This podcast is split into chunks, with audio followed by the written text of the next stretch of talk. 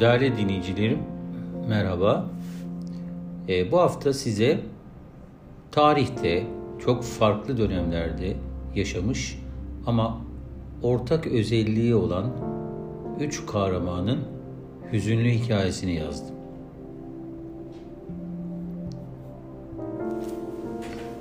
Başlık, ışık, cesur kahramanların üzerinden yükselir. Bir sözle giriyorum. Ne gördüğüm hakikati gizlemekten hoşlanırım, ne de bunu açıkça ifade etmekten korkarım. Aydınlık ve karanlık arasındaki, bilim ve cehalet arasındaki savaşa her yerde katıldım. Bundan dolayı her yerde zorlukla karşılaştım ve cehaletin babalarının yanı sıra kalın kafalı çoğunluğun öfkesinde hedef olarak yaşadım. Tam 16. yüzyılın son yılında İtalya'dayız. Bu sözler bir Dominiken manastırında Hristiyanlık eğitimi almış ve akabinde rahip olan Giordano Bruno'ya ait. Bruno 28 yaşına geldiğinde hayatını ve dini sorgulamaya başlamasıyla birlikte başını dertten kurtaramaz. İtalya'da kilisenin baskısına dayanamayarak yıllarca Avrupa'nın çeşitli şehirlerini dolaşır, felsefe ve astronomiye eğilimine paralel olarak fikirleri tepki çekine kadar bu alanlarda eğitimler verir.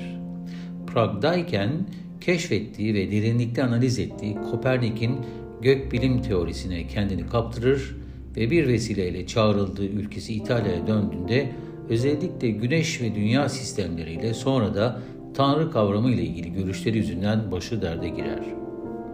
Evrenin sonsuz olduğunu ve kilise tarafından dayatılan, dünyanın evrenin merkezinde olduğu görüşün aksini savunur. Güneşin etrafında başka gezegenlerin var olduğunu iddia eder. Tanrı ile doğanın iç içe geçmiş ve evrenin tamamını kuşatan bütünsel bir güç olduğunu, hatta her insanın içinde Tanrı'nın bir zerresi olduğunu söyleyerek Katolik anlayışın düşmanı olarak kabul edilebilecek panteizmin savunuculuğunu yapar. Kilise artık buna dayanamaz ve Giordano Engizisyon tarafından tutuklanır.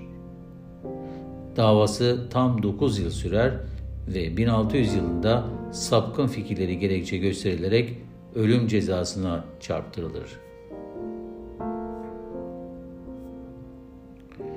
Bu kez son sözlerinden biri de şöyle olacaktı. Tanrı iradesini hakim kılmak için yeryüzündeki iyi insanları kullanır. Yeryüzündeki kötü insanları ise kendi iradelerini hakim kılmak için Tanrı'ya kullanır. Ona düşüncelerinden vazgeçmesi, evrenin sonsuz olduğu iddiasını geri alması durumunda cezadan vazgeçileceği bildirilmesine ve gördüğü onca işkenceye rağmen dimdik durup sözlerini geri almayınca Roma'nın bir meydanında diri diri yakılarak öldürülür Bruno. Bu kez 2000 yıl öncesine Atina'ya modern Yunan felsefesinin kurucusu Sokrates'e gidiyoruz.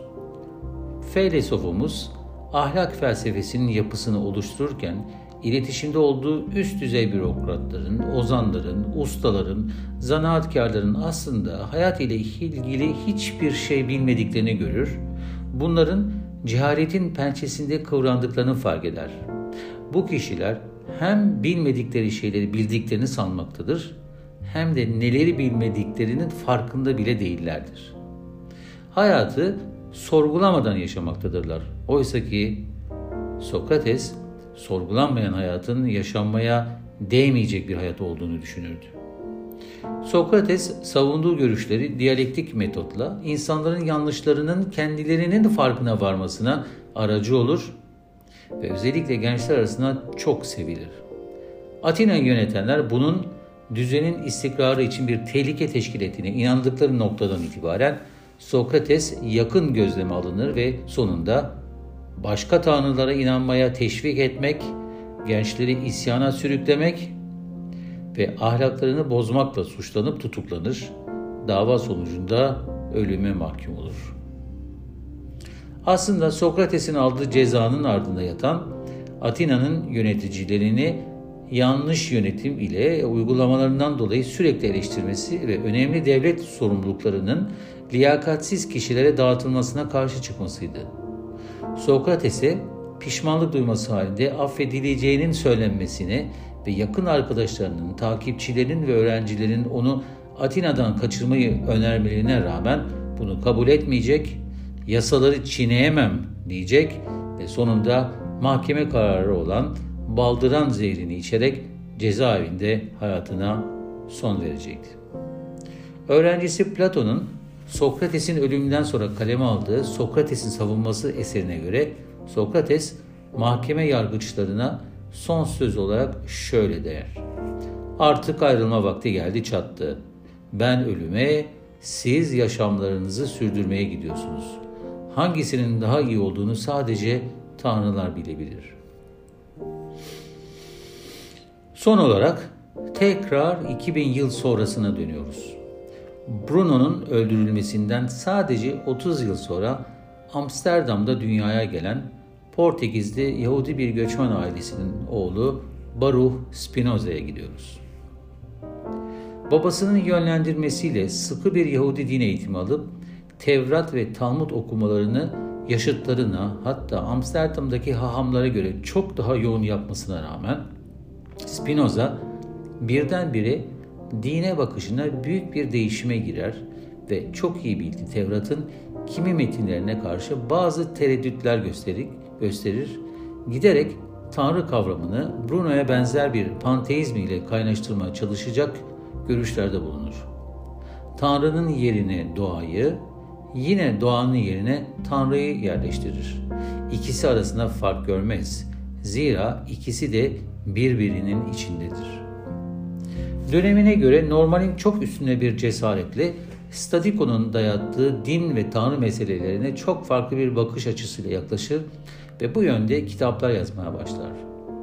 17. yüzyılın aman vermez Yahudiliğin egemen sınıfı büyük tepki gösterir ve sonunda Spinoza 23 yaşındayken sapkın düşünceleri gerekçesiyle Yahudi şeriatına göre ölümden sonraki en ağır cezayı alır. Diğer bir deyişle Yahudi cemaatinden aforoz edilir. Aforoz metni şöyle sona erer. Onu gündüz ve gece uyuduğunda ve uyandığında, sokağa çıktığında ve evine döndüğünde lanetliyoruz. Tanrı'nın öfkesi ve kıskançlığı ve bu kitapta yer alan bütün beddualar onun üstünde olsun. Tanrı onun ismini kendi katından silsin.'' Kimse onunla yazılı veya sözlü yoldan iletişim kurmayacak. Ona herhangi bir iyilik sağlamayacak, aynı çatı altında bulunmayacak ve onun tarafından yazılan hiçbir eseri okumayacaktır. Baruch Spinoza'ya affedilmesi için defalarca düşünce ve söylediklerini geri alması ricası edilse dahi ilkelerinden ödün vermeyecek ve afarozu şartsız kabul ederek ailesinden, arkadaşlarından ve yaşadığı kentten ayrılıp kendine bambaşka bir yol çizecek ama felsefi çalışmalarına hayatının son gününe kadar devam edecekti. Büyük zorluklar eşliğinde. Ünlü yazar Stefan Zweig bir eserinde şöyle demişti.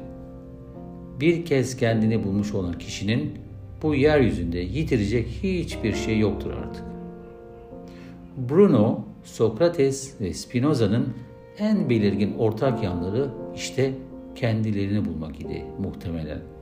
Bilgiyi ve sorgulamayı temel alan hayata bakış ve dünyayı anlama arayışı onlara yitirecek hiçbir şey bırakmayacak ve ilkeleri doğrultusunda çarpık düzene ve bencil güçlere tereddütsüz karşı çıkmalarına neden olacaktı. Bunlardan ikisi bunu hayatlarıyla ödeyecek. Biri ise yani Spinoza sevdiği her şeyi terk edip hayatını büyük sıkıntılarla idame ettirmeye çalışacaktı. Bugün Bruno ve Sokrates'e ölüm, Spinoza'ya da aforoz cezası verenleri kimse ne tanıyor ne de hatırlıyor. Ama bu üçlü yüzyıllarca sonra bile insanlığın düşünce dünyasında altın harflerle anılıyor. Son tahlilde farklı düşüncelere tahammülsüzlük yeniliyor, ilkeleri doğrultusunda davranıp insanlık mirasına büyük değerler katanlar kazanıyor. Lakin despotların yarattığı tahribat da büyük oluyor maalesef. Zararın onarılması ve yüz yıllık gözyaşların akmasını durdurmak ise sadece zamana kalıyor.''